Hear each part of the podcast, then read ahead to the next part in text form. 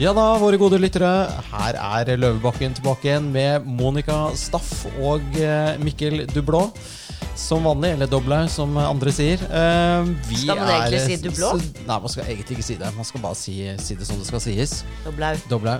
Men uh, vi bare turer videre, vi nå. Uh, og vi har fått friske norske epler plukket i, både på Hankø, på eple... eple tre, sier man tregard der ute, eller er det i og med at det er så nærme Sverige? Tregård, det. Det er hage. Nei, man sier have Have med V. med v. Ja, for det sier også Eplehavet oppe på, på, på, på Vinstra. Så vi har da nye epler, eh, og eh, nå har vi Da er det veldig synd vi ikke har kamera her, da. det er det, altså vi får sett på disse forbudte fruktene som er foran oss. Men vi har kommet eh, videre, og i dag skal vi ha en besøk av en veldig god venninne av deg, Monica. Eh, en, eh, en, en, eh, jeg vet ikke om det er partner in crime, men det er da mm, Line Kranz, som er Er det sjef for en latterlig morsom firma? Kan ikke du introdusere din gode venninne her? Det er da Elina Kranz. Hun er Var? Bergenser? Nei, hun, den, ja, hun er jo fra utlandet. Hun er fra- Ja. Hun er jo utlending. Mm. Men har integrert seg ganske bra i hovedstaden, men har ikke lagt av seg dialekten. Heldigvis. Ja da, bergensk er jo så pent. Men um, nei, Linda Kranz hun driver Standup Norge og uh, Teatret Latter på Aker Brygge. Eh, til en viss grad, for du har jo pensjonert deg bitte lite grann, eh, Elina, pga. at det er noen dansker som har kommet inn og kjøpt butikken din. Ja, men har, eh, jeg jobber jo ganske mye enda da, men jeg eier ikke det lenger. Eller i hvert fall ikke i selskapene Standup Norge og Latter, men er deleier i det selskapet som kjøpte meg opp i utgangspunktet da. Ja, Og de er store i Skandinavia. Ja, de er vel egentlig store i Europa, Mm. og er et belgisk equity-selskap som heter eh, Waterland, som da startet All Things Live. Ja. Mm. Så vi har kjøpt opp, eller ja, sier vi nå, da, men vi er vel eh, Jeg tror vi er faktisk 19 selskaper som har kjøpt, kjøpt opp så langt i Europa. Og så holder de på i USA med et lite raid, og så får vi se hva den ender opp med. Så hvor mye omsetter All Things Live for? Masse penger. Masse penger. Ja. Ja, men det er, liksom, det er mye penger i humor. Altså Folk liker jo å bli entertainet. Og, Ja, for Er det bare Ja. humor, eller er det alt som er liksom Nei, det er alt som er. Så det at okay. eh, humor er faktisk en ganske eh, for så vidt stor bit, men vi er ganske få som jobber med det i forhold til eh, festival og promoting og event og andre ting. Så det er, det er mye musikk, da. Ja, nettopp. Internasjonale artister og, og lokale. Mm. Så det at de da gikk inn i en sånn liten nisje som humor, og kjøpte de opp, eh, ditt opplegg, det var liksom ikke helt gibben, eller? Ja, altså de hadde da allerede et lite selskap i Sverige som drev med humor, så det var, lå i kortene at de hadde lyst til å gå den veien nå. ikke sant? Og du ser jo det at en del internasjonale store stjerner som f.eks. Ricky Gervais, som vi snart skal se ja. mm. Kommer han til eh, Norge? Ja. 23. september. Fett! Ja.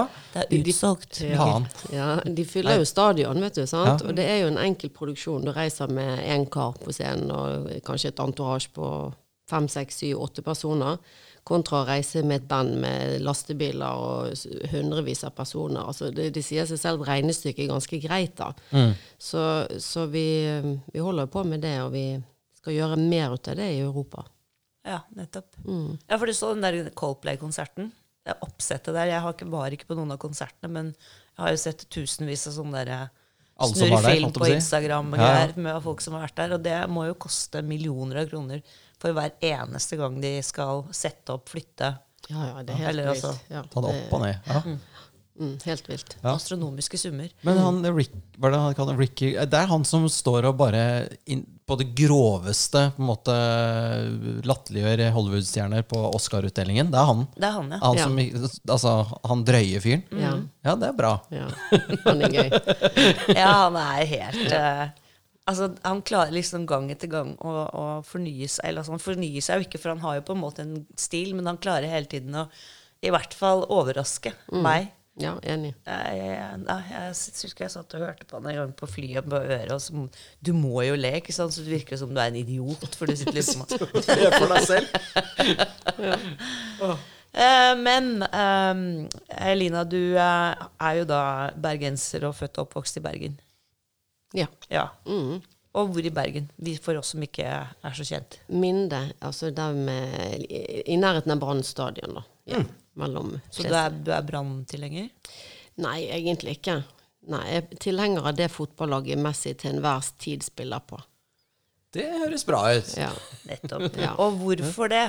Nei, for han er på en måte litt helten min. Jeg har en lang crush på han, altså. Og det har mine barn òg, så vi følger han rundt og har sett kamper med han i Barcelona, PSG, og nå skal vi til Miami. Ja. ja. Til Miami for å se på Messi? Ja, ja.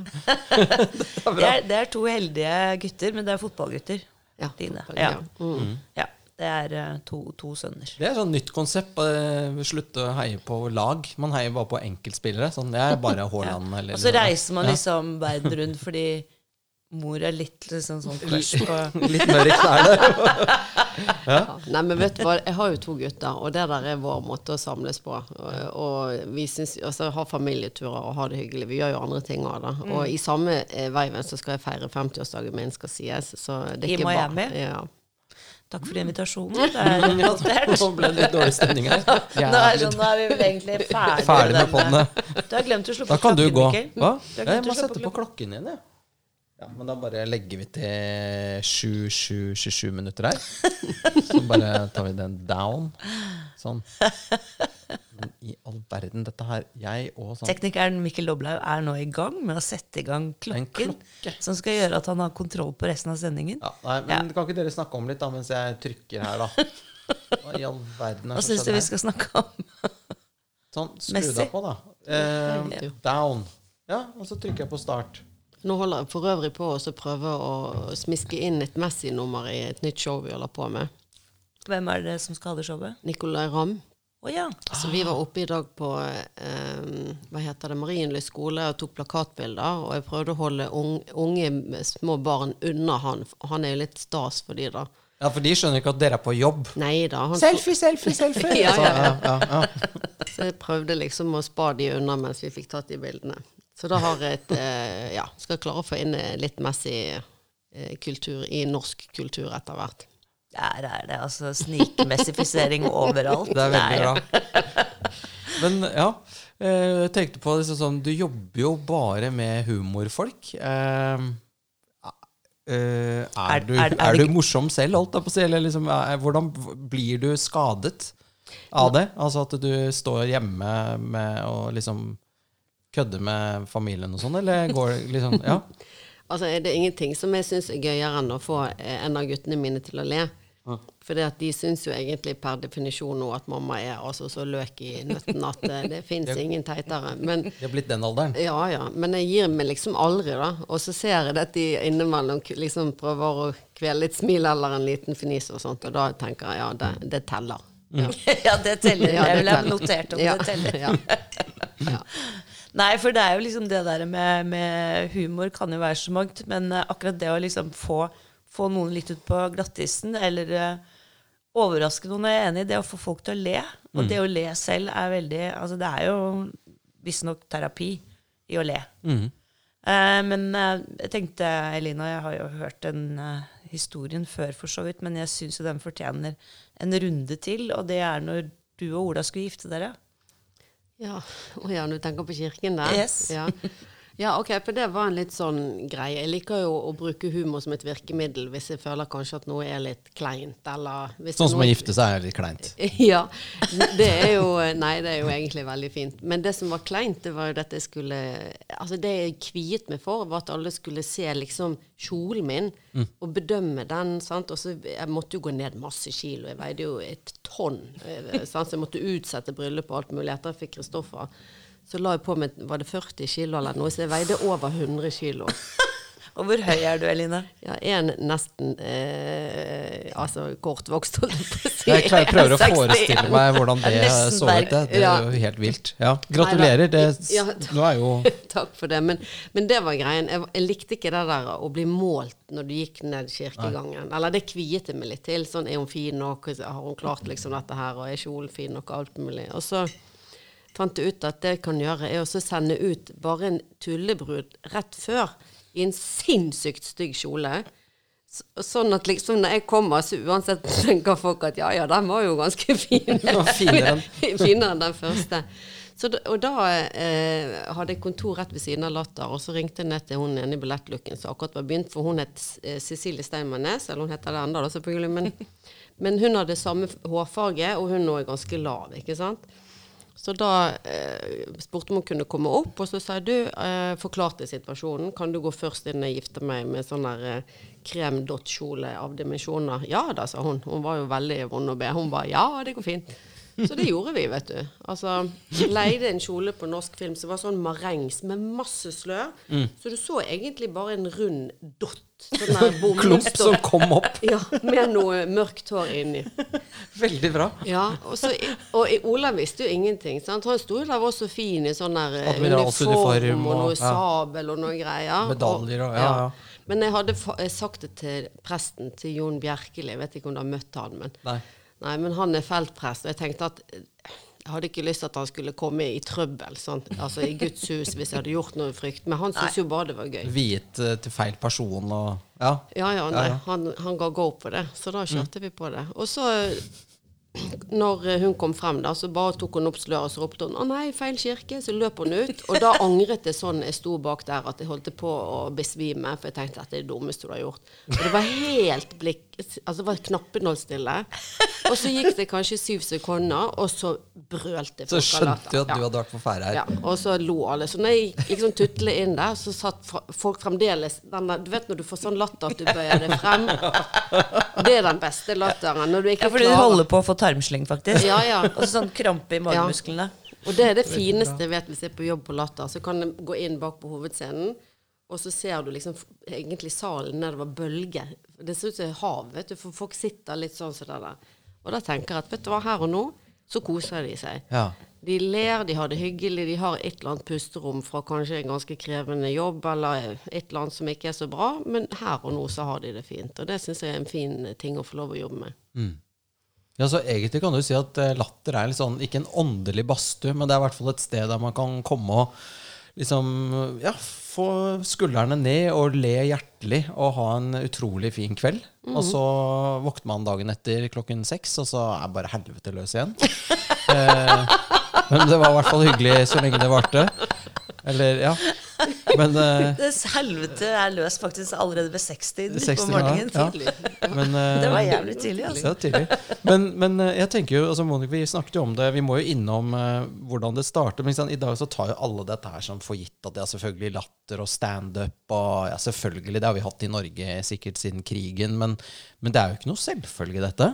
Det er jo Kan vi gå så langt som å si at du er liksom dronninga? Du er sånn Coca-Cola, du er ikke Pepsi, du var først i Norge.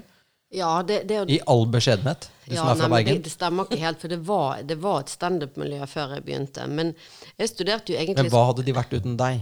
Ja, jeg var nok veldig, veldig heldig på timingen, garantert. ikke sant? Fordi at eh, det var eh, noen som holdt på med det litt sånn på si, og det ble liksom eh, ikke tatt veldig seriøst. Eller det var i hvert fall ikke så stort, ikke sant. Og så begynte med det i Bergen, og så begynte de å komme over til oss, for jeg begynte i denne puben i Bergen.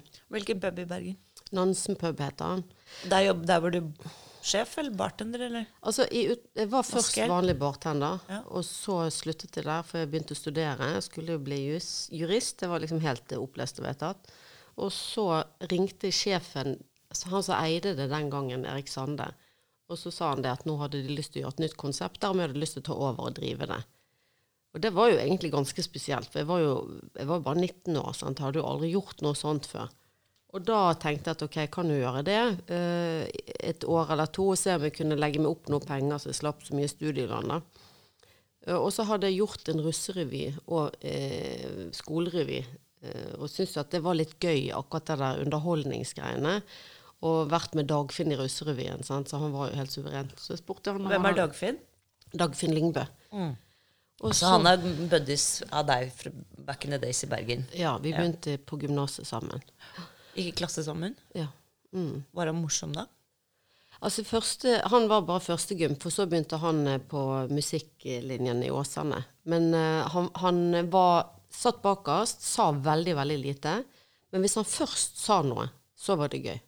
Så det var bare om å gjøre å få det med seg, liksom. For det at det, ellers så gikk du glipp av en latterkrampe. Men det, var vel, det kunne gå kanskje to uker mellom hver gang. Så du satt jo på nåler, fikk jo ingenting med deg undervisning og sånt. Det var jo bare Så om å bare gjøre. lyttet på han? Ja, ja. Ventet på at det skulle komme nå. noe.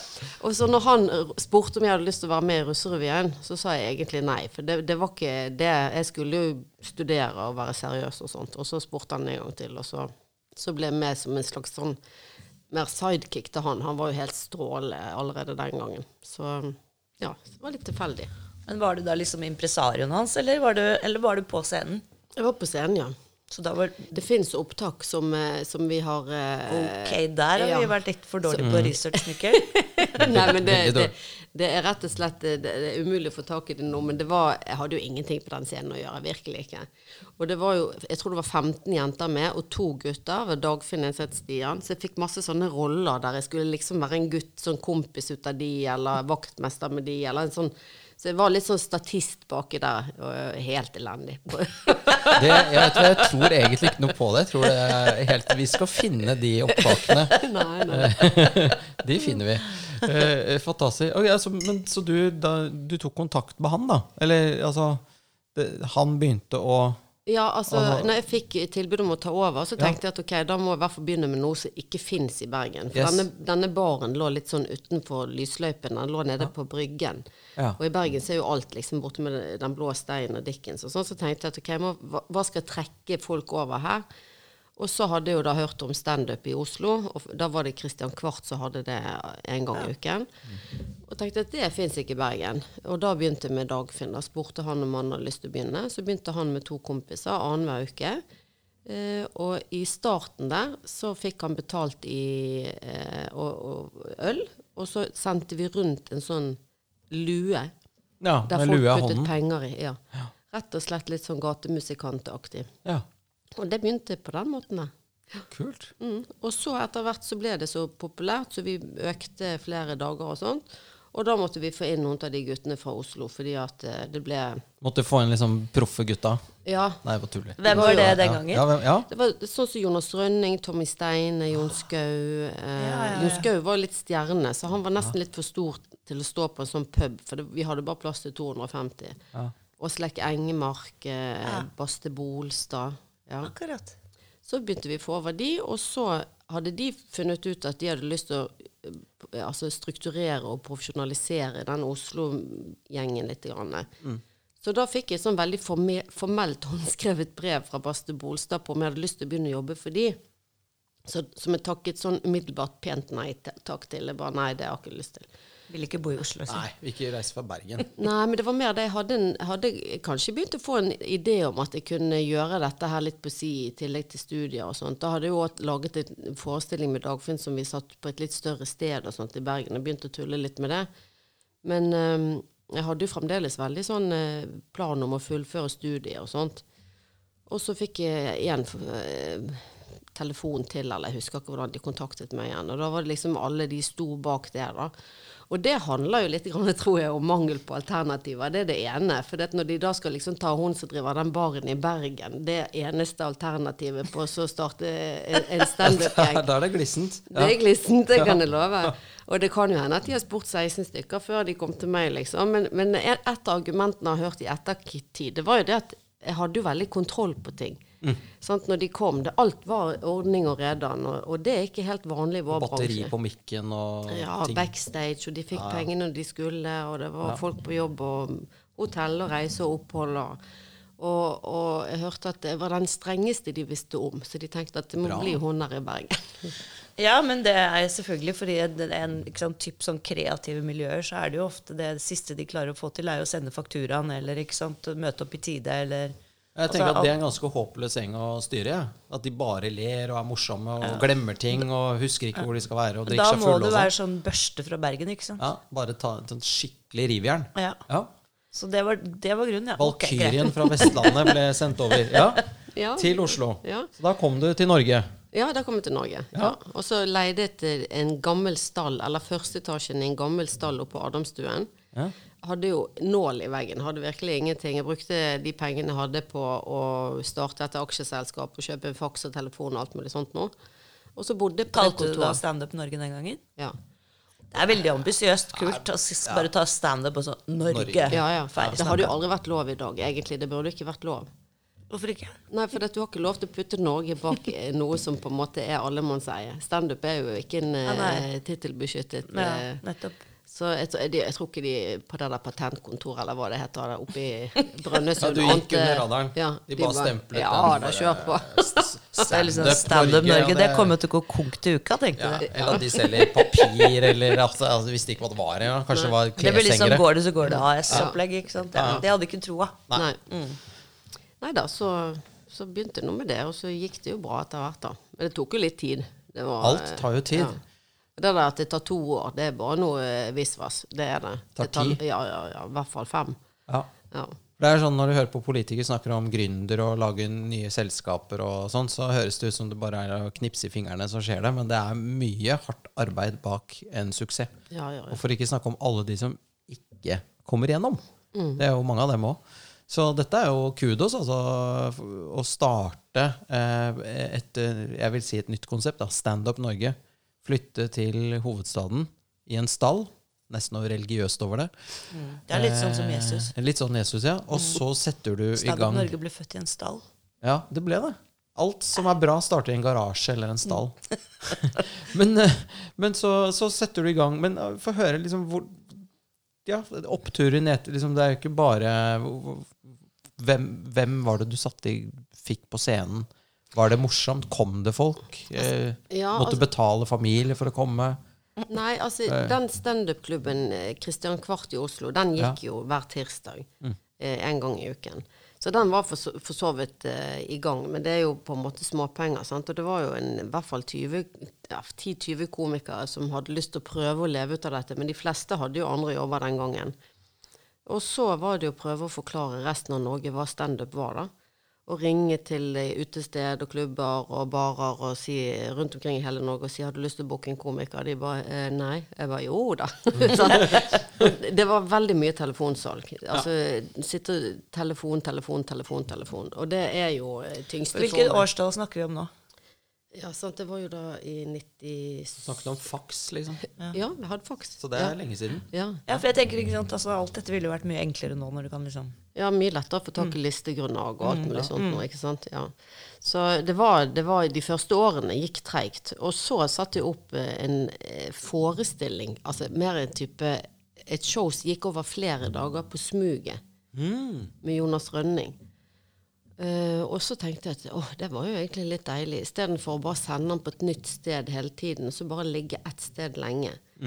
Og så begynte å gjøre mer ut av det på Smuget og på Scene Vest og på, litt på Sentrum Scene. Mer og mer ut av den småproduksjonsbiten. Og det var jo det jeg syntes var litt gøy, å lage noe mer enn bare å sitte og selge én enkel jobb. Uh, men um, etter hvert så ble det eh, litt vanskelig å få plass på de der scenene, fordi de skulle ha større artister. Sant? Jeg jobbet jo egentlig bare med ukjente den gangen, eller stort sett med ukjente. Så hvis det var sånn jeg kom med Dagfinn Lyngbø på Scene Vest, så ville jeg gjerne ha eh, beste sesongen, november og desember. Så var de sånn Ja, du kan få juni og mai klokken seks på onsdager. Sant? Altså, du fikk ikke gode alternativer. Så da var det begynt å tenke tanken at jeg skal eh, ha et eget teater. Og det tok jo litt tid, men eh, det skjedde jo etter hvert. da. Det gikk vel en ti-tolv år før, før jeg klarte det. Og at det var da egentlig snøball begynte å rulle. Ja, ikke sant. Og det, men det var det teater der på Latter ligger jo da for den som ikke vet det. Men jeg tror nesten ingen i Norge ikke vet det. Fordi det er jo et yndet sted for folk som reiser på weekendtur til, eh, til hovedstaden og være innom Latter på et eller annet show. Og det er såpass mange å velge der hver eneste helg at det aldri er noe problem. Men det ligger i hvert fall på Aker Brygge. Men var det teater der før, eller har du, liksom, måtte du bygge om hele skiten, eller hvordan var det? Nei, det var litt tilfeldig, fordi at uh, Visa vi Latter, der lå egentlig Black, Blackbox-teateret. Og det var det jeg så på. Blackbox, ja. Ja, ja. Jeg vet ikke om det var Ways der. of Seeing og den gjengen der. Ja, ja og Det er ganske lite, er det ikke det? Jo. Jo. Eh, Så var, det var Lindstøv Eiendom, som jeg fremdeles bare hyller og takker, og som turde å satse på meg. De sa ok, du kan komme og se på Blackbox eh, og se om det er noe. Så jeg var inne der og så på, og så sa jeg det, det er nok ikke sånn jeg har tenkt det. For det eneste jeg visste, jeg må ha to saler for, å, liksom, kunne, for at det skal være annerledes og få plass til den standup-ideen, liksom, med den klubbscenen. da. Ja, for du har to på Latter er det en liten sal, ikke sant? Og den store. Ja. Ja. Så folk får prøve seg litt på den lille først, og så Ja, men så har vi mer showting på store, og så har vi mer standup på lille. Ja, ja. Sånn generelt sett. Men det, Var, var det noe du liksom tenkte ut selv, eller hadde du, tenkt, hadde du sett på noe i utlandet som, hvor de var kommet lenger, og at de hadde laget noen sånne konsepter? Nei, men jeg bare tenkte at uh, jeg liker Altså standup, det, det, liksom, det gjør vi hele tiden. Det var Christian Kvart-konseptet. Det må være på én scene. Men når jeg lager disse showene som er på Scene Vest og sentrum og sånt, så leier jeg jo større plass. Jeg vil jo ha til scenografi, og jeg vil lage noe større der. Og så òg putte inn bar og restaurant i miksen, så du fikk hele den opplevelsen. Så gikk vi ut fra Blackbox, så sto vi på gatene. Så peker jeg på Latter, så sier jeg hva, det, hva er det da? Er det ledig, da? Og da sa de at nei, vet du hva, det er akkurat leid ut til eh, et eller annet klesgreier. Beklager. Og det er litt dumt, for det har stått tomt i tre år etter Imax-kinoen gikk konkurs. Ja, så det var, det var Det, altså, en, en, en stor sal der med Det var Imax der før. ja. Men Imax-kinoen, det var jo 250 plasser. Så rev vi eh, litt vegger der, og så bygget vi galleri og et søylefritt galleri, så vi fikk 500 i hovedplasssalen. Og så bygget vi litt om, så vi fikk klubbscenen med plass til 220. Så det var, en, det var et prosjekt, altså, men det gikk fort fra vi ble enige og ja. Ja, det var Lindstov Eiendom. Det var Lindstad Eiendom, og det må jeg bare si at det var helt fantastisk at de turde. Men de var nok litt desperate, hadde stått veldig lenge tomt. Og, og det er klart at de satset jo på at vi skulle komme inn og få litt folk ned der, ikke sant. Og jeg så på noen av de der første budsjettene vi hadde, så var det liksom Ambisjonen var å ha 90 forestillinger på hovedscenen i løpet av et år. Da på en måte ville du ha liksom nok folk trekkende til Aker Brygge som handler og spiser middag andre steder. Og i, i fjor så hadde vi til sammen 730 show på Latter. Det er 300 000 mennesker som kommer ned der med en billett, og som legger igjen penger på Aker Brygge. Ja, for ikke bare hos deg, men de stikker på Egons eller et eller annet. Altså, de surrer rundt. Kjøper noe klær, Ja, ikke sant? drikker noe øl på Ja, den der spesielt denne øl og, og spiser og sånn. Ja. For vi har jo restaurant, men den er jo utsolgt i høysesong. Sant? For vi har, vi har plass til 300-400 der.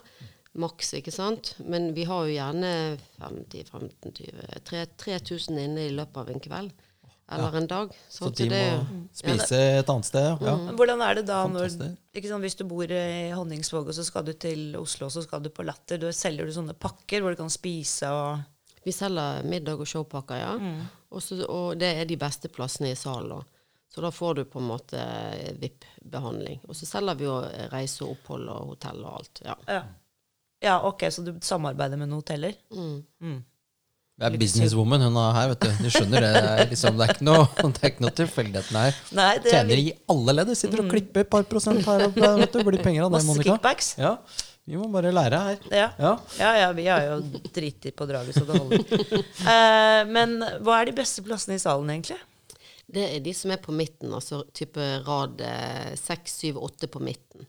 Der du sitter liksom rett ned. Ikke helt foran, og ikke bak. Og ikke på siden. Inni mølja. At å sitte helt foran på Latter, det er jo ikke trygt. Kan det skje noe? Alltid. Alltid. Det Det verste er er at du blir plukket alltid blir de som på rad ut. én eller rad to som liksom blir driti ut. ikke Spurt sant? om noe og sånn. Ja, ja. Spurt hvor de er fra, så er de fra et sted som selvfølgelig er corny. Og så. Og så blir det moro på Mm. deres bekostning. Men, men øh, dette er jo kult, så, da, så åp- starter du Latter da, der nede. øh, og 90 forestillinger, det var målet. Det var target. Å Selge et par øl og litt potetgull. Eh, jo, men det er jo litt sånn beskjedent. Og så bare eksploderer dette her, tenker jeg. Altså det, det blir en sånn snøball som ruller. da. Hvordan er det da å være Eline fra Bergen, som er streng? Eh, måtte du etter hvert få litt hjelp? Altså, så det ble bygge team? Ja, jeg har veldig fine, Ja, ja. og flinke folk. Jeg har, på Latter har jeg ledere som har vært der egentlig nesten fra, fra start, som, som jeg ikke kunne klart uten. Altså. Så Mm. det har vært eh, noen eh, som har fulgt hele denne prosessen, som har vært superviktig. Ja, for jeg tenker, det, Du har jo da solgt bedriften din, og det jeg tenker på da, det du har solgt, det er jo systemverdi. Eh, for dette, dette er litt sånn kjedelig, men det er også litt viktig å tenke på at eh, veldig mange tenker at de skal bare starte en bedrift, og så, så skal de bli kjøpt. Men eh, hva er, altså hvis, hvis, hvis innholdet er deg, og du ikke følger med på lasset, så er jo det ikke så mye verdi i den bedriften. Så du må jo, i tillegg til å skape en scene og være morsom, og, og ska, skape et engasjement og kanskje også en kultur og du skaper et eh, At folk vil ha det, da. Eh, så har du jo bygget opp en bedrift, da. Som, altså, en ting er det vi ser på scenen, at folk står der og er morsomme, men det er jo på en måte, hele greia bak. Det er, Hvor mange Ja. ansatte er det på fortell litt om det. Ja. Nei, altså det er til sammen med de som er på timer og sånn, så er det rundt 100 stykker alltid. Men de, de, mange på timer er jo inn og ut til studenter og sånt nå. Så har vi type Ja, skal vi se, det er vel type 25-30 som er eh, fast ansatt. Som, som holder på der med altså salg, markedsføring, billetter, teknikk, altså hele ruslet i midten. Restaurant og ja.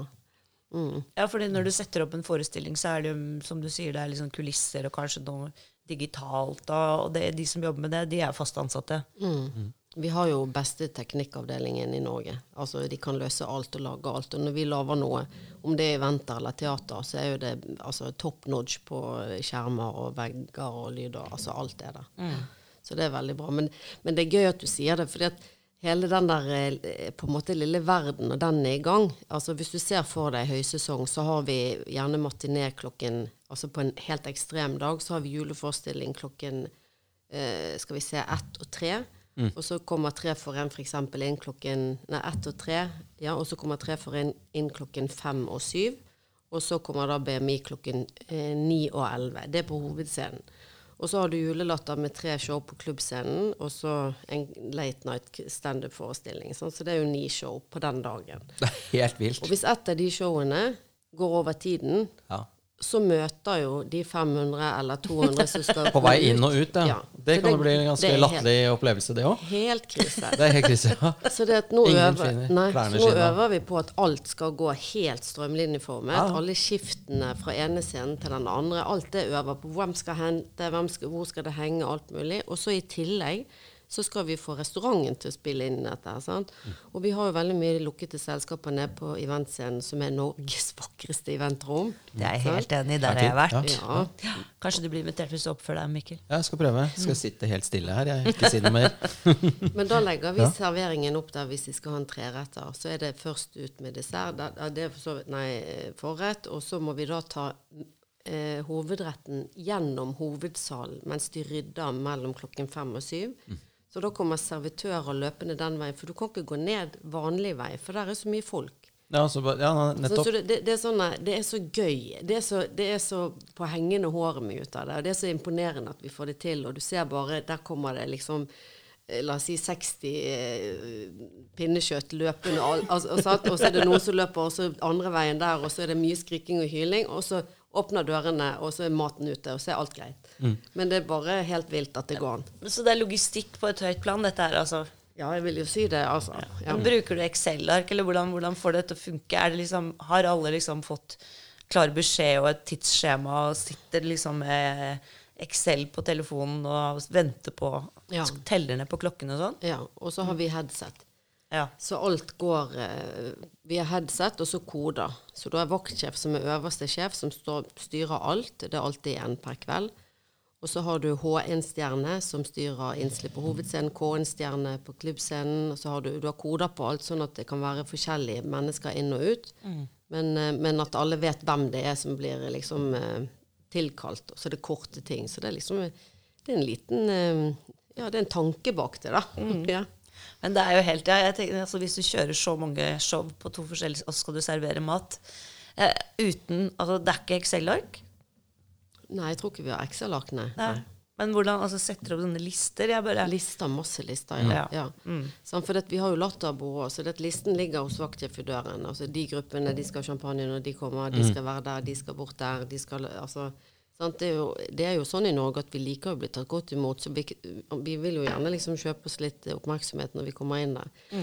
Og det blir litt gøy i år, for dette er så at uteserveringen i hjørnet Nå er det pigget ned, og nå holder vi på å bygge det inn, så nå skal vi ha helårsdrift der. Sånn at det blir og det blir nydelig bar. Så det blir enda hyggeligere å henge før og etter show, hvis du har lyst til det. da. At de har mer plass til det, rett og slett. Ja, riktig. Mm, det blir sikkert veldig bra. Og det er jo ikke sant, det å, å få folk til å bli litt, komme litt tidligere og være litt lenger, så sånn at de holder seg unna akkurat penger. korridoren. da. Mm, Så da skal inn ut. Ja, helt enig. Ja. Ja, nei, jeg har jo vært, på, vært heldig og vært på Latter mange ganger og vært invitert på premierer og sånt, og det, er, det er veldig bra. Og vi har jo masse Og tar vi Norge av morsomme, eh, morsomme folk, som, eh, altså, sånn som på den der klubbscenen, så har jeg vært på noen forestillinger der. Selvfølgelig ikke alle som liksom får det til hele tiden. Nei, har du noen sånn litt sånn Du trenger ikke nevne navn, har du noen sånn kule litt sånn stories from uh, behind the scenes? Eh, som gjerne er litt latterlig morsomt, eh, eller som du kan Jeg har ikke noe sånn Ja. spesielt nå, men det som er med klubbscenen, som er, Ja. Mm. det er på en måte hjertet til Latter. Jeg elsker klubbscenen. Og det handler jo litt om at det er over 100, 100 forskjellige komikere, litt over det, som får lov til å prøve seg der hvert år. Noen er der mye, og noen er der lite. Men det er fem nye komikere hver uke året rundt. Er det rekrutteringsbasen? Litt sånn Ja, altså vi har åpen mikk, eller vi har en nykommerspott, men det skal jo være etablerte komikere som har prøvd ut tekster, sånn at det skal være et visst nivå på det de leverer der. For Latter er jo ikke en nykommerscene, egentlig. Men, eh, men vi åpner jo litt for det innimellom, hvis, vi er, hvis det er noen vi har hørt masse bra om og sånt. Er det typ sånn noen som har vært skikkelig flinke på 1000 julebord i Bergen, liksom? Ja, ja, ja. Noe sånt? Ja. Altså det er sånn du rekrutterer? Ja. Ja. Og så finnes det to klubber i Oslo som vi jobber tett med, som har åpen mikk og kurs og alt mulig. Så vi hører liksom hva, hva som rører seg der, og så har vi folk som er borte og sjekker det ut og sånt. Og så samler de som regel opp kanskje to ganger i år eller en gang i året de fem beste, og så tar vi de på en nykommerkveld på Latter. Da vet jo alle at alt er nytt. Og så går vi og ser på de vi andre der, så får vi liksom mm. Ja, føler vi at vi henger med i tiden. Ja, og det er jo selvfølgelig Jeg, jeg har jo ofte tenkt på det at det er jo en Av de som klarer å, å, å over tid da, opprettholde eh, yrket og være komiker og være morsom og være relevant, sånn som da f.eks. Dagfinn Lyngbø har klart. altså Altså som Morten Ramm på ikke sant? Altså disse og ja, Ylvis Åker, og ut, våre havegutta. Ja, Ja. Som klarer det år etter år. Jeg tenker det er ganske beintøft yrke å ha. Mm, absolutt. Fordi at når du starter der, og du ikke sant, altså du, du, kan være, du kan være god i ett år, to år, og så er du ute fordi du er ikke relevant nok lenger. Ja, altså, ja. å- ja. Hva, hva kjennetegner god humor? Det må jo være en type De må jo ha knokket koden. Altså det, nå ser sier jeg ikke at det, det er sånn eh, at man følger en oppskrift slavisk, da, men det er jo en grunn til at de samme folka liksom De tar det så jævlig på kornet hele tiden. De må jo se verden fra en annen vinkel enn oss. da At de stopper opp og ser ting som ikke vi ser her. Ja, ja, jeg vet ikke om Er det noe kode? Liksom, eller er det noe sånn McKinsey-matrise som de kjører alltid gjennom? Så blir det gøy. Ja, altså Det som er i hvert fall interessant, er at veldig mange av de er komikere i yrket, og få er komikere av natur. Og Mange tror jo at en komiker er en veldig sånn vittig fyr å reise på ferie med, eller altså, Og så er de gørrkjedelige, egentlig. Nei, men, men, men de, de er ikke nødvendigvis den som tar festen alltid. Ikke sant? Det er eh, litt vittig, det der. Men så kan de gå på en scene, så kan de få 1000 mennesker til å hyle latter anytime. Ikke sant? Så det er jo det er fascinerende. Men, men jeg tenker at det viktigste er jo at du tør å stå på en scene og ikke på en måte virker stresset på publikum. For da kan du egentlig være gøy, du kan ha gode vitser og alt mulig. Men hvis du virker veldig nervøs i utgangspunktet, så sitter publikum litt og stresser. Og så blir det et eller annet som er ødelagt. Men har du denne tryggheten når du en, kan levere litt, så er jo vitser noe vi kan eh, kjøpe og selge. ikke sant? Det er jo akkurat som holdt jeg på å si en 500-lapp, kan du si. Hver vits du lager er en 500-lapp, så du kan gi videre. ikke sant? Det er jo masse mennesker som skriver vitser for masse folk, men det er jo ikke alle de som står på scenen. Er det en børs? Nei, men det er et kollegie, egentlig. sant? Så vi har masse forfattere inne som skriver på forskjellige forestillinger. Og så det som plukkes ut, det blir honorert. Og ofte veldig bra, fordi at de får en 10 av brutto omsetning i løpet av to-tre år. ikke sant? Så kanskje en litt ny kult. karriere, karrierevei, Mikkel. Det er liksom, ja, jeg ser for meg i Latter er en sånn kjeller der det sitter hundrevis og jobber. Eh, og liksom eh, Ja, eh, Ja, men ikke dumt tenkt. I dag, ut, ja. I dag var jeg nedom I dag satt det vel kanskje ja, 35-40 komikere oppe i restauranten på dagtid og hadde skrivemøte. Oi. Og det har vi ganske ofte, og da sitter de fire stykker per bord, og så har vi en stoppeklokke. Alle har med eh, en idé eller tekster de har jobbet med som de gjerne ikke har forløst, og så er det 15 minutter per Det er dating? Eller litt sånn Ja, men med vitser. Og så kan du f.eks. si 'Jeg har en idé om eh, Jeg vet ikke Skifte dekk på bilen. ja, sant? Og så kan, men det kommer ikke, og så kommer alle bare hengende på. Og da må du bare ha på den mikrofonen, sånn at du får, husker alt etterpå. Og der skjer det veldig mye gøy. Og sånn uh, utvikler de tekster, da. Det er helt rått. Det er kult. Ja, det må jo være veldig morsomme arbeidsmøter, da.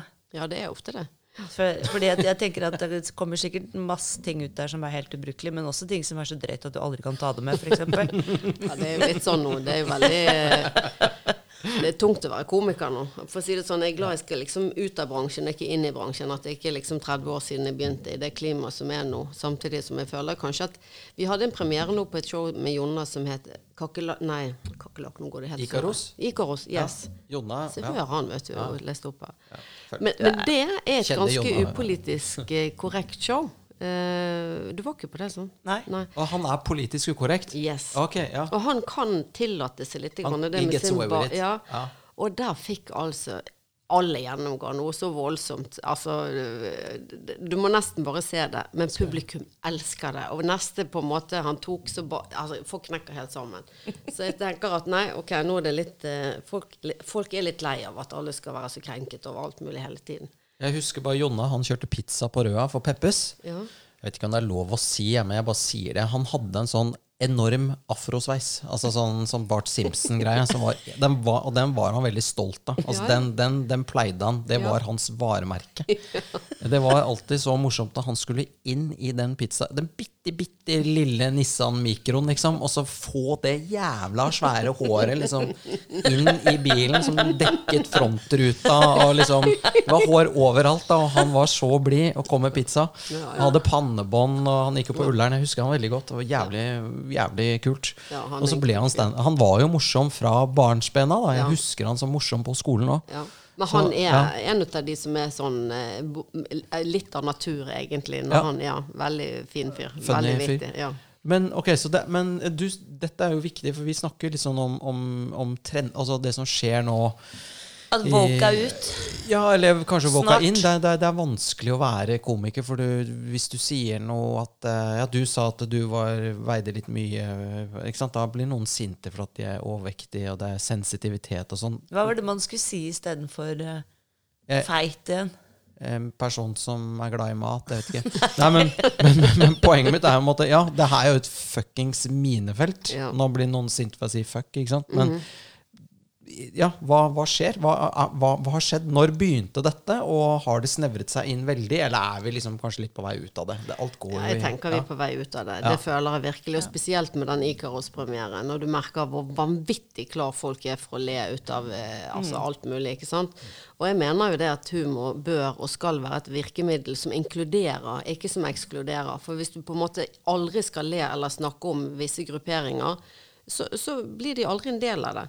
Og jeg husker dette er nå for så vidt lenge siden. Jeg satt på smuget med Per Inge Torkelsen. Så kommer det en fyr bort til oss i rullestol og spør Per Inge da, hvorfor er det ingen som spøker uh, med oss i rullestol?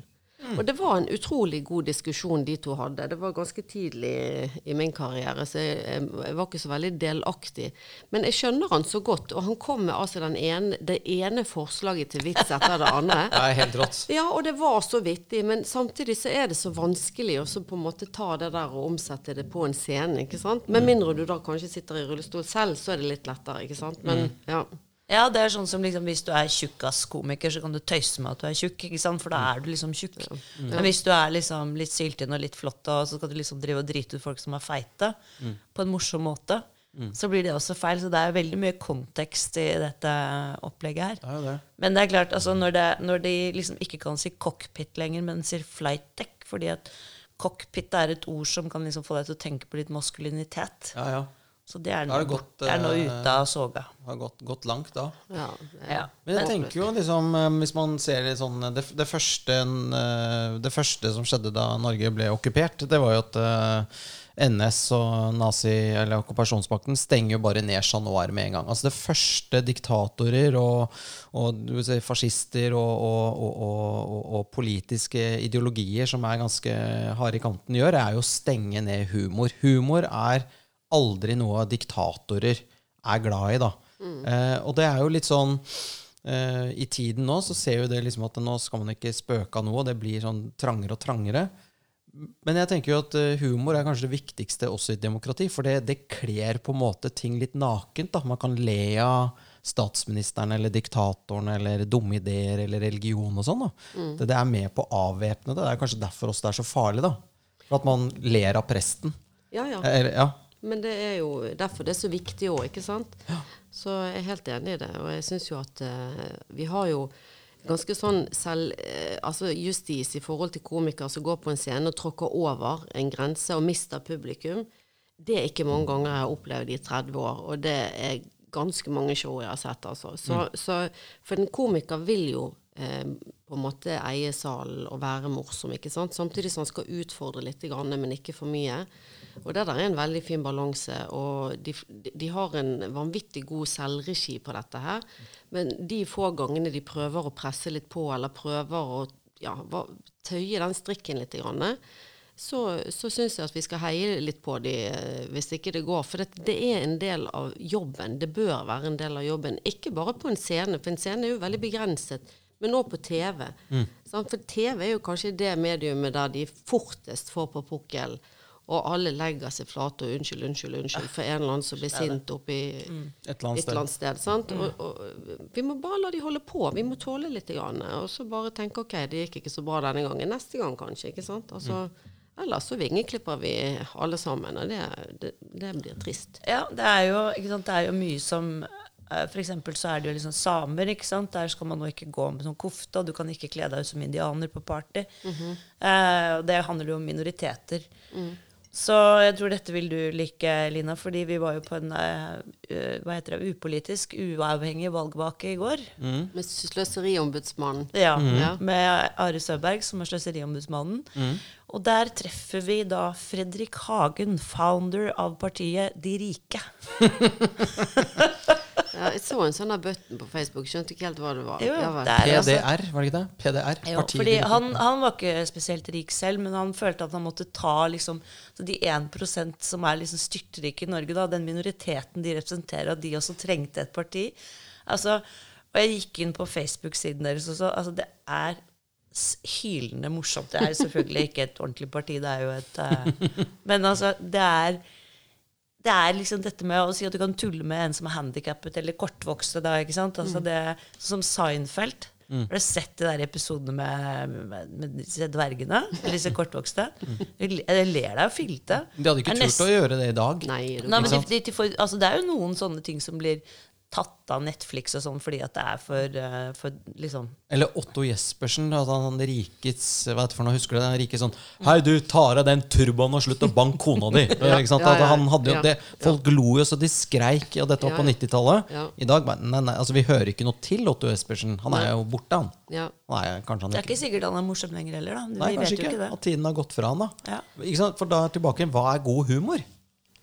Er den statskontrollert, eller er den fri? Nei, det var et ledende spørsmål, men ja. ja. Ja, nei, altså jeg tror egentlig Kanal òg hadde håpet på litt mer eh, spillerom, egentlig. sant? Men eh, det er jo eh, en del komikere også som syns det er vanskelig med at det er et stort arkiv der det et eller annet var morsomt for 20 år siden, og så skal de stå for det i dag hvis noen begynner å grave i det. Sant? For det har jo du sett at de har gjort med Espen Eckbo og lignende. Sant? Og det er, jo, det er jo morsomme, fine ting. Altså, jeg kan ikke skjønne problemet med det. Men så er jo det kanskje også litt Kanskje vi skal gå litt i oss selv da, og så tenke at ok, hvis, hvis vi tar vekk alt og, og tilpasser alt, så har de vunnet. Av, vi må bare litt mer stå i det. Jo, men Det er jo 1984, George Orwell, at de sitter og brenner bøker og avisartikler og, og skriver om historien. Ja. Og Vi vil jo ikke dit. Men det er jo tydelig at det er jo en, og det Nå er vi inne i den woke kulturkrigen her. altså Det er jo noen eh, som ønsker på en måte å skrive om historien, og, og ønsker å lage bråk. fordi at eh, Espen Eckbo hadde skokrem i ansiktet for 25 år siden på én vits med, med noe julegreier. Som den gangen var greit, men som i dag ikke er greit. Og han ville ikke gjort det i dag heller. Nei. Så, så, så jeg er jo litt sånn eh, Jeg håper jo at vi kommer ut av denne situasjonen da, med eh, Jeg vil kalle det litt sånn autoritær tankegang. da, Og disse menneskene som liksom skal passe på å være så altså det er jo, det er jo Hva, hva het hun der Inger-Lise Rypdal sang den sangen? eh, Fru Rådet? Johnsen. Fru Johnsen, ja. Tilsynet for høy moral. Yes, Tilsynet for høy moral. Den er jo helt fantastisk. Den traff jo på 70-tallet. Den treffer jo i dag òg. Det er bare at i dag så er Tilsynet for høy moral Det er ikke presten og politimannen og sånn. Det er liksom Det er sosionomen og, og, og kulturarbeideren og på en måte de på venstresiden. Da, de har blitt Tilsynet for høy moral. Og, og, og det er jo kanskje noe som De møter i seg selv i døra litt, da. Det er ikke så jævlig kult. Ja. Nei, for det er klart at det er vanskelig å være moralist uten å bli eh, fundamentalist ja og bli sett og på som kjip. fanatiker, ikke sant? Ja, for det er aldri kult på, når du sitter på fest da, og forteller noe morsomt. Det er, den personen som alltid reiser seg opp og kommer med pekefingeren, blir jo til slutt ikke invitert igjen. da. Det er jo litt sånn, da. Eller den som blir kjempesint på alle gjestene sine for at de sier dumme ting, så ender jo festen opp ute. Alle står ute, Alle ute og røyker, røyker og, røyker. og drikker, koser seg, så sitter denne Det er moralisten litt, som alene litt som å være på fest hos Monica i Friends. Ja, ja, ja. ja. Da var jo alle på det over gangen, ikke Ja, ja, sant, hos Joey. For det, der var det jo bare dritkjedelig og bare masse regler, ikke lov til å sitte på den puten. og- Perfekt bilde på det. Ja, ikke det er, Voke er litt sånn. Det er ingen på Voke-festen. Alle, er, alle har blitt rampete. Alle, kom, alle er litt tøffelige i starten. Ja. Nei da, men det er klart at det, det er jo en Det er jo liksom Hva skal jeg si Et, et eh, dyr med mange armer og bein, dette woke-greiene, og vanskelig egentlig å pinpointe helt hva det er for noe. Men jeg tror også folk er drittlei det. Ja. Og man, Det er jo veldig bra at Jonna da tar, river plasteret av, så gjør det litt vondt, og så kan man le etterpå. Men, men, eh, men jeg tenker på eh, Nå har du jo solgt eh, deg ut, men du er fortsatt litt med, og du jobber der ennå. Mm. Så det er ikke sånn at du har nå tenkt å starte noe nytt? Du, du fortsetter med dette? Du, jeg fortsetter med dette her mm. i noen år til. Jeg skal være med til Vi tar steget videre med selskapet. Eh, og så har jeg jo ganske sånne heftige avtaler på at jeg kan ikke starte sånne eh, konkurrerende ting. Ikke sant? Du er i karantene? Å ja, resten av Du livet. kan Jeg ikke starte liksom Stå opp Norway, liksom. Så bare rappe alle komikerne. Nei, men i så fall så har jeg har egentlig brukt opp den delen ut av meg, for det har kostet så mye at uh, jeg har ikke det i meg å gjøre en gang til anyway. Og, og det er jeg helt happy med. Men uh, å lage show og gjøre det eh, i mange år til, det har jeg lyst til, så jeg håper jo at det kan være en del ut av det, da. Blir du litt sånn som Arnardo? Sånn, det er sirkus, det er sagflis, og du, du, du syns det er gøy? Ja, jeg gjør det, altså. Ja, ja. Og den der eh, Jeg syns det er spennende, den der 'Hvorfor ler de ikke?' Det er prøveshow, nytt, stryk, gjør om. Hvis du sier den. Det er jo veldig mye detaljer. Enormt mye jobb bak å lage en forestilling. Uh, uavhengig om den går veldig bra eller dårlig, så er det like mye jobb, egentlig. For vi tar ikke lett på ting, ikke sant. Så det er, og det er spennende å se at ok, hvis du gjør sånn, eller prøvde det, og sånt noe, så, så går det bedre, ikke sant. Så nei, jeg syns det er kjempespennende. Og Det er jo språk, og det på en måte ja. Mm.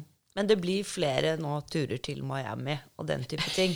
Du har tenkt å liksom ta det litt roligere? Ja, e- Egentlig ikke, da. Ikke Nei. så lenge jeg er på, på, i systemet på det nivået frem til Så du har en avtale med det som gjør at du får Ikke sant? Ja. Mm. Så jeg, jeg kjører på, altså. Men jeg syns at jeg, jeg har et mye bedre liv anyway. fordi at selv om jeg jobber mye, så, så har jeg eh, et mye roligere indre liv. Nå høres jeg jo litt religiøs ut, men jeg har vært veldig mye bekymret eh, og stresset. ikke sant? For når jeg begynte dette her i denne stallen i bakgården, så var det ingen som trodde at det skulle gå bra, og så begynte det å gå litt bra, og så begynte det å gå bedre, og så begynte det å gå kjempebra. Og jeg har egentlig bare gjort ting som har vært eh, lurt å gjøre for at vi skal ha folk på latter, og at komikere skal ha jobb, egentlig.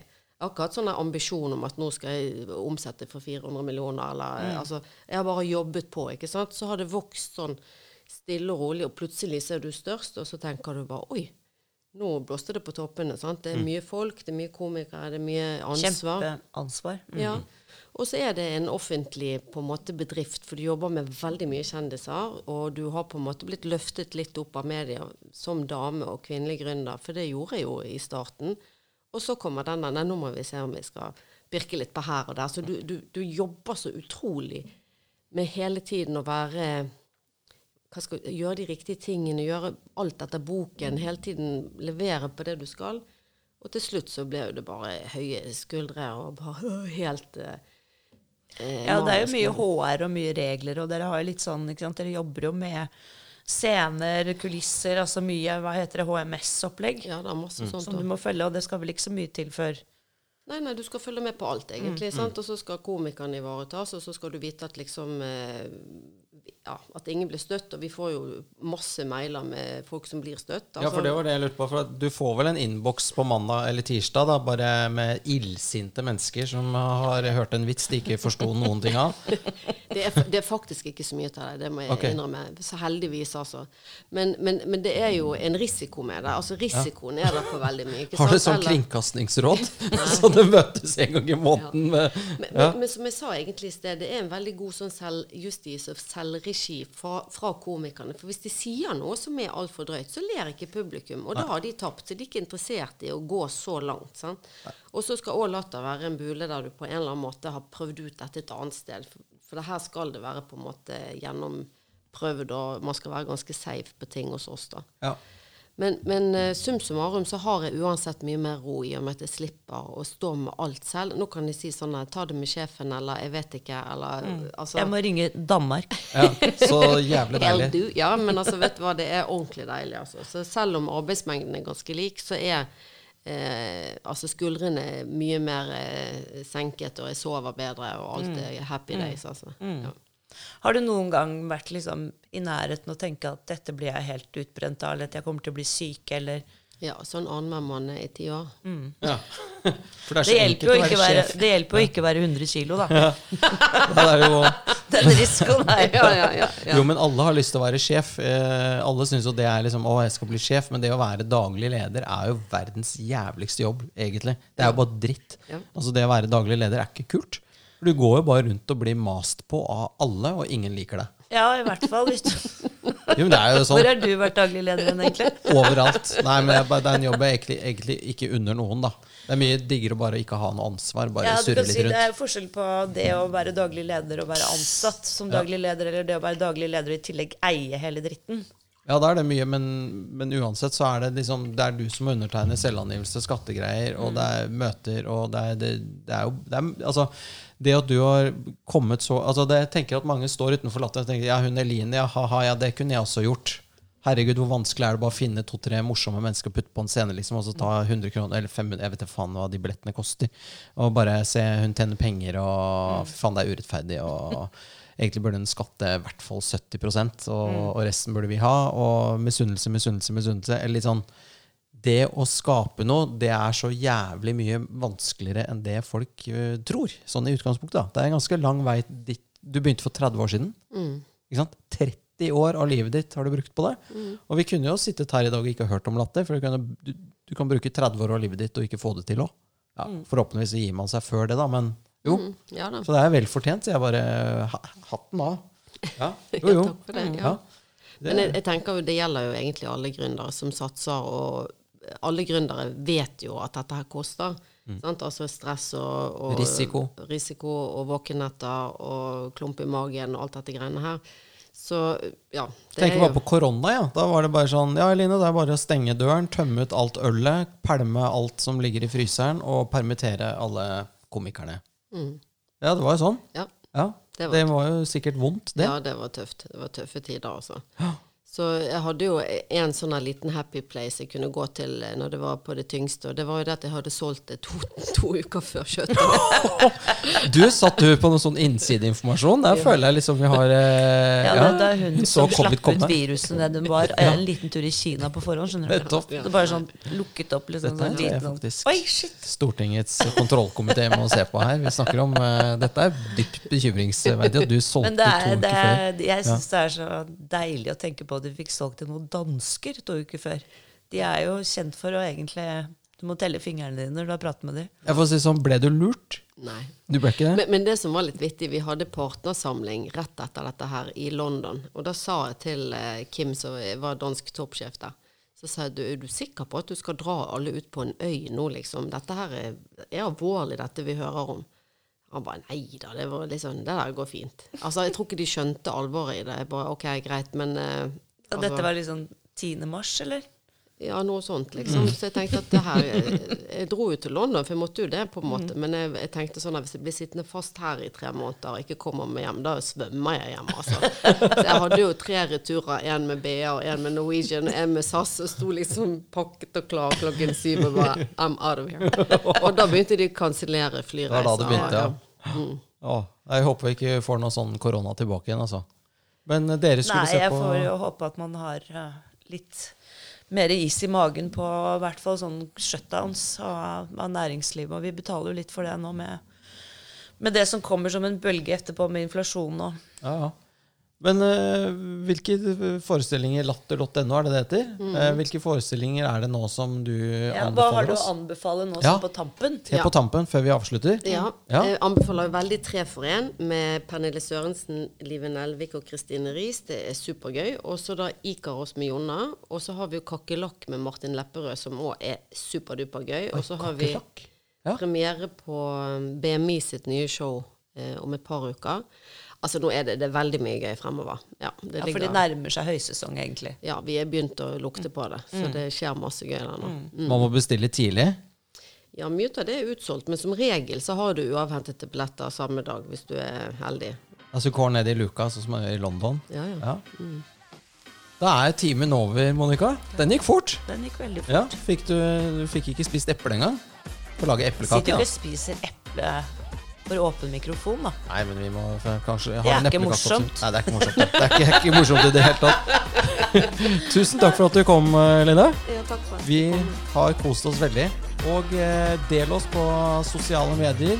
Send oss gjerne en eh, Instaface. Insta, Instaface. Mm, Instaface-post. Ja, og forslag på gjester. Ja, så sier vi bare adios. Adios.